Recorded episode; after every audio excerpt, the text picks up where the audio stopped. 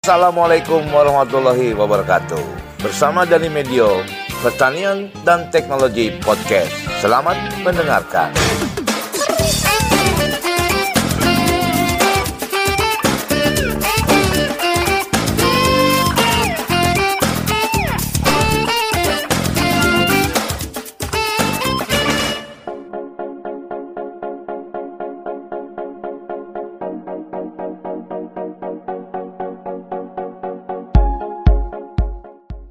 Oke, assalamualaikum warahmatullahi wabarakatuh. Ketemu kembali dengan Dani Medio di Pertanian dan Teknologi Podcast.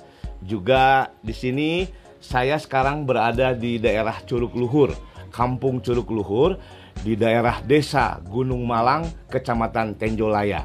Nah, saya akan bertemu dengan salah seorang pengurus eh, kelompok tani Wiguna Tani Mukti, yaitu Hasan Nawangga. Hasan Nawangga ini adalah seorang petani milenial yang bergerak di bidang pertanian, baik itu sayuran, kemudian juga ada tanaman pangan seperti padi dan ubi, dan yang paling diunggulkan di sini adalah jambu kristal. Kita ngobrol sama Hasan Nawangga, salah satu pengurus dari kelompok tani Wiguna Tani Mukti. Yuk kita temui dia.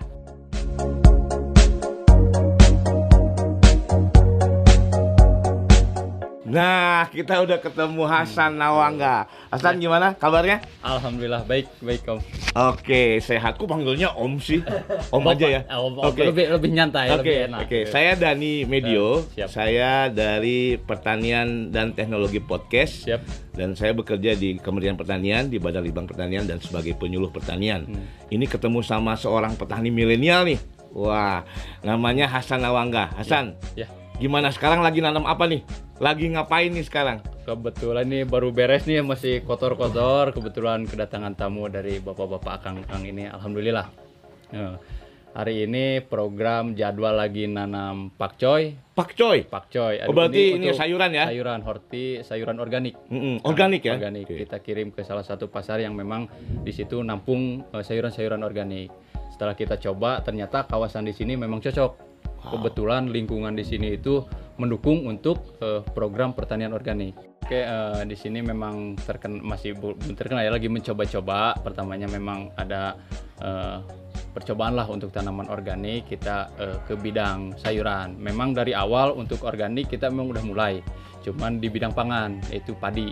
Oh, Padi dulu organik. organiknya ya, padi organik. Padi Sekarang ke organik. sayuran mau Saya coba. coba untuk ke sayuran. Ternyata dari struktur lokasi dan apa itu alhamdulillah cocok.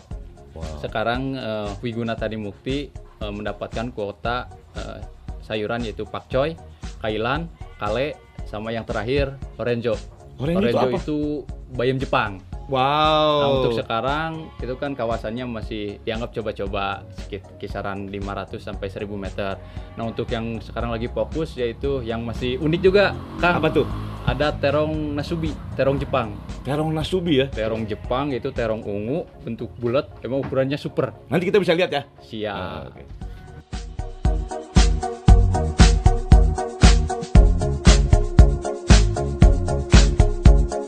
Itu untuk di bidang horti sayuran. Nah, untuk saya pribadi semenjak kuliah dulu memang terjun di bidang eh, tanaman buah.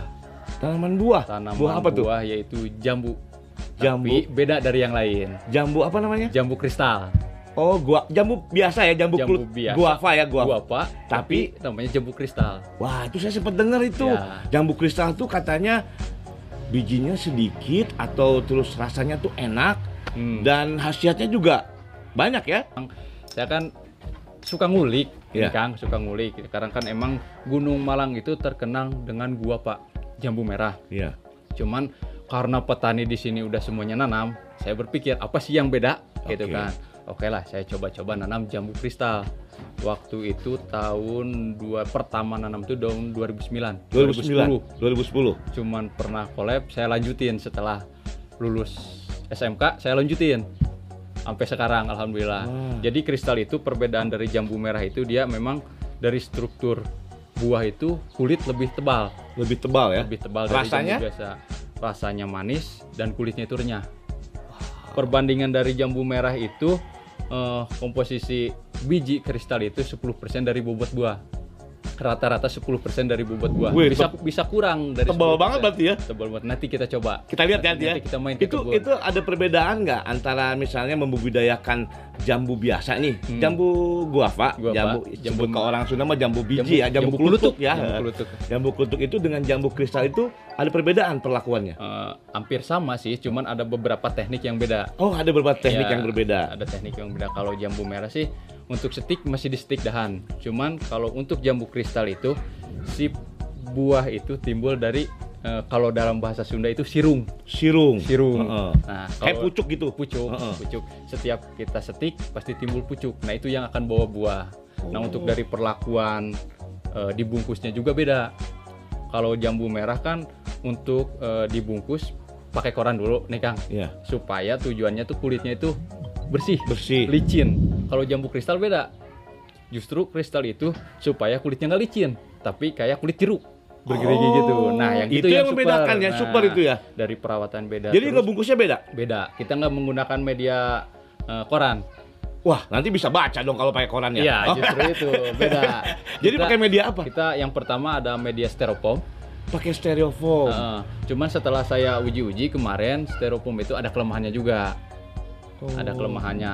Dan nah sekarang lagi saya percobaan dulu pakai plastik yang anti panas. Oh, ada ya, ada. Ada itu khusus biasanya namanya HCPI. Biasalah adalah Cara bungkusnya, cara Hmm. nyeteknya bisa dipraktekin nggak kalau ntar? kalau cara bungkus hampir sama-sama yang merah. Cuma Terus- beda bahannya pembungkusnya Nah, itu ya. Beda. Steaknya juga dijadwal. Oh, harus ada jadwalnya. Kita kan kalau steak bareng bisa aja panen bareng. Iya. Bila mana kita panen raya, harga nggak nentu dong. Nanti overproduksi Ya, akhirnya kita- turun harganya. Saya berpikir lagi gimana caranya kan saya nanam kisaran 400 sampai 500 pohon. Wow. Itu tiap 100 pohon itu saya jenjang waktu untuk setiknya itu. Nanti saya itu panennya itu bertahap. Berarti ada satu panen, ini mulai itu, begitu Nah, panen ada lagi. Ya, Itu namanya peremajaan itu- ya? Ya, kondisi di kebun sekarang itu lagi ada yang tadi pucuk sirung, Ya. ada yang lagi puting bunga, sama yang kemarin bungkus. Wah, ini saya jadi Nah. menarik pengen ngelihat yang jambu nih. Siap, Kalau siap, pakcoy siap. kan, eh udahlah pasti Ya. pakcoy itu segitulah bentuknya seperti Pakcoy itu. lah gitu kan. Kemudian tadi apa dari kale, Kale. ya kale udah memang oh, Siap. kale gitu. Tapi kalau jambu kristal ini, kita bisa ke sana ya. Siap.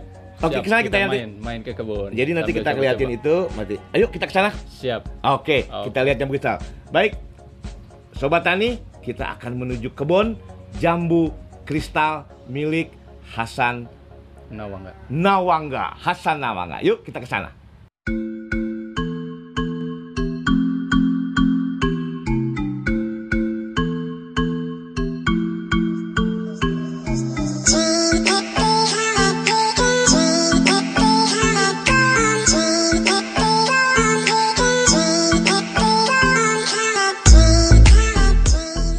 Nah, sobat tani, sekarang kita ada di kebun Jambu kristal. jambu kristal ya, Siap. Kang Hasan ya. Hmm. Nih, kita akan memperlihatkan Kang Hasan ini juga akan memberikan cara bagaimana yang membedakan antara jambu kristal dengan jambu biasa. Bagaimana perlakuannya? Siap. Apa yang pertama kita lakukan Kang Hasan? Hmm, Pertama yaitu memang dari eh, proses tanam ya jelas udah beda dari ukuran jarak tanam juga beda. Kalau kristal itu eh, SOP-nya bisa jadi tiga kali tiga, Tiga kali tiga. tiga kali tiga, Oh. tiga meter kali tiga meter. Kalau jambu merah biasa itu lima kali lima. Soalnya pertumbuhan jambu kristal itu agak lambat pak. Tar dulu, tar dulu, dulu, dulu, Kang Hasan. Ya, siap. Tadi bilang tiga kali tiga maksudnya apa? Terus ada lima kali lima maksudnya apa? Oke, siap. Untuk tiga kali tiga itu khusus untuk jambu kristal pak. Untuk percobaan saya pribadi, saya itu tanam jarak tiga kali tiga. Oh, jarak tanam. Jarak tanam tiga kali Oke, tiga. iya. Sedangkan yang jambu merah biasa itu lima kali lima. Lebih jauh ya? Lebih jauh. Lima kali lima. Perbedaannya. Ini umur hampir 2 tahun lebih. Tapi pohon masih segini, produksi udah maksimal. Ah, ini padahal tinggi segini doang ya? Eh, udah tahun 2 tahun. Dua tahun baru lebih dua tapi tahun. produksinya? Nah, sedangkan kalau jambu merah itu umur 2 tahun itu udah besar banget, Pak. Oh. Jadi makanya untuk pemampatan lahan jambu kristal lebih efektif. Itu kuncinya tiga kali tiga tadi. Tiga kali tiga itu. Jadi walaupun dua tahun segede gini, Masih tapi segede-gini. segede, masih cuma Nah, segede gini, nggak terlalu. perawatan. Oke, Tergantung ya. perawatan. Apa ya? yang Jadi? Oke. untuk jambu kristal itu kenapa bisa tiga kali tiga kan? Jadi intinya jangan sampai kalau bisa lebih dari 70 cm. Lebih dari. Nah, kayak gini kan lebih dari 70 cm. Masih gimana 70 Nah, cm? Untuk 70 cm itu ini kan dahan nih. Mm. Ini udah lebih dari 70 cm. Ya. Nah, antisipasinya kita buang yang pucuk ini. Oh, kuncinya jangan lebih dari 70 cm. Oke. maksimalnya. Kenapa kita buang? Nah, jadi nutrisi dari sini itu jadi fokus ke buah.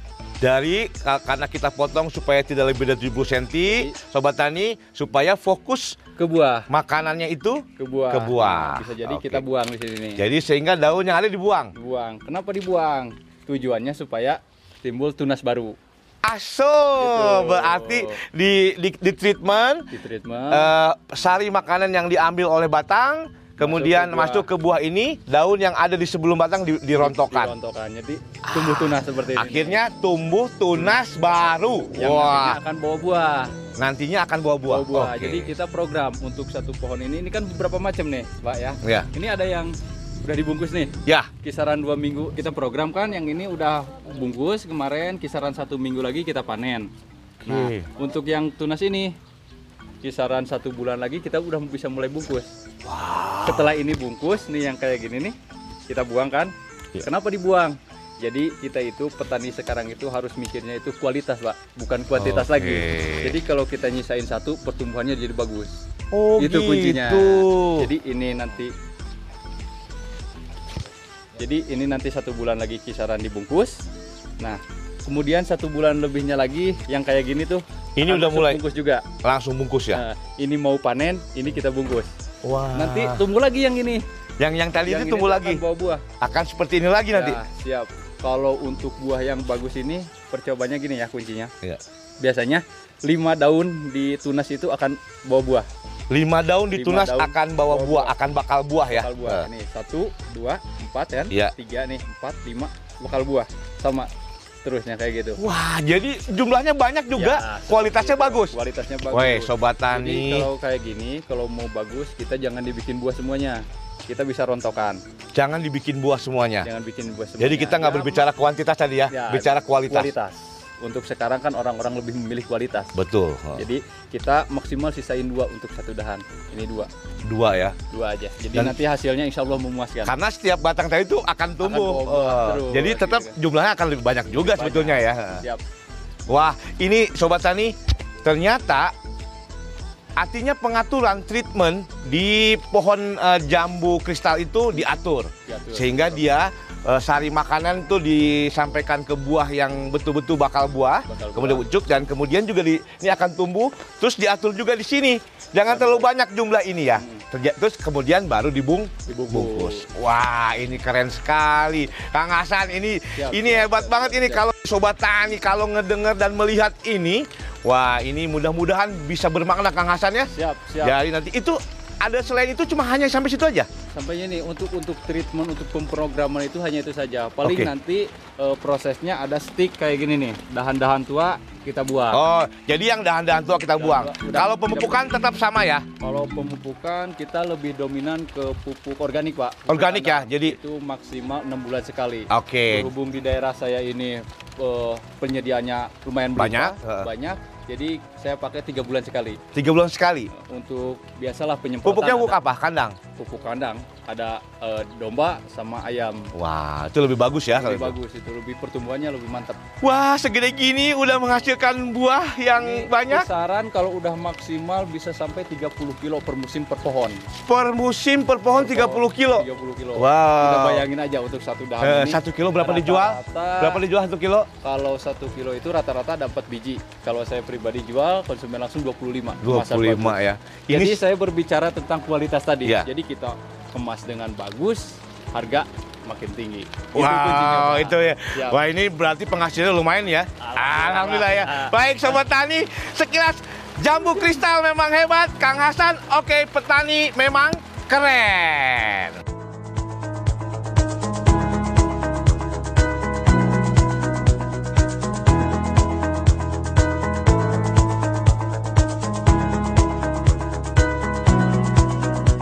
Dengarkan terus podcast saya, Pertanian dan Teknologi. Salam pertanian.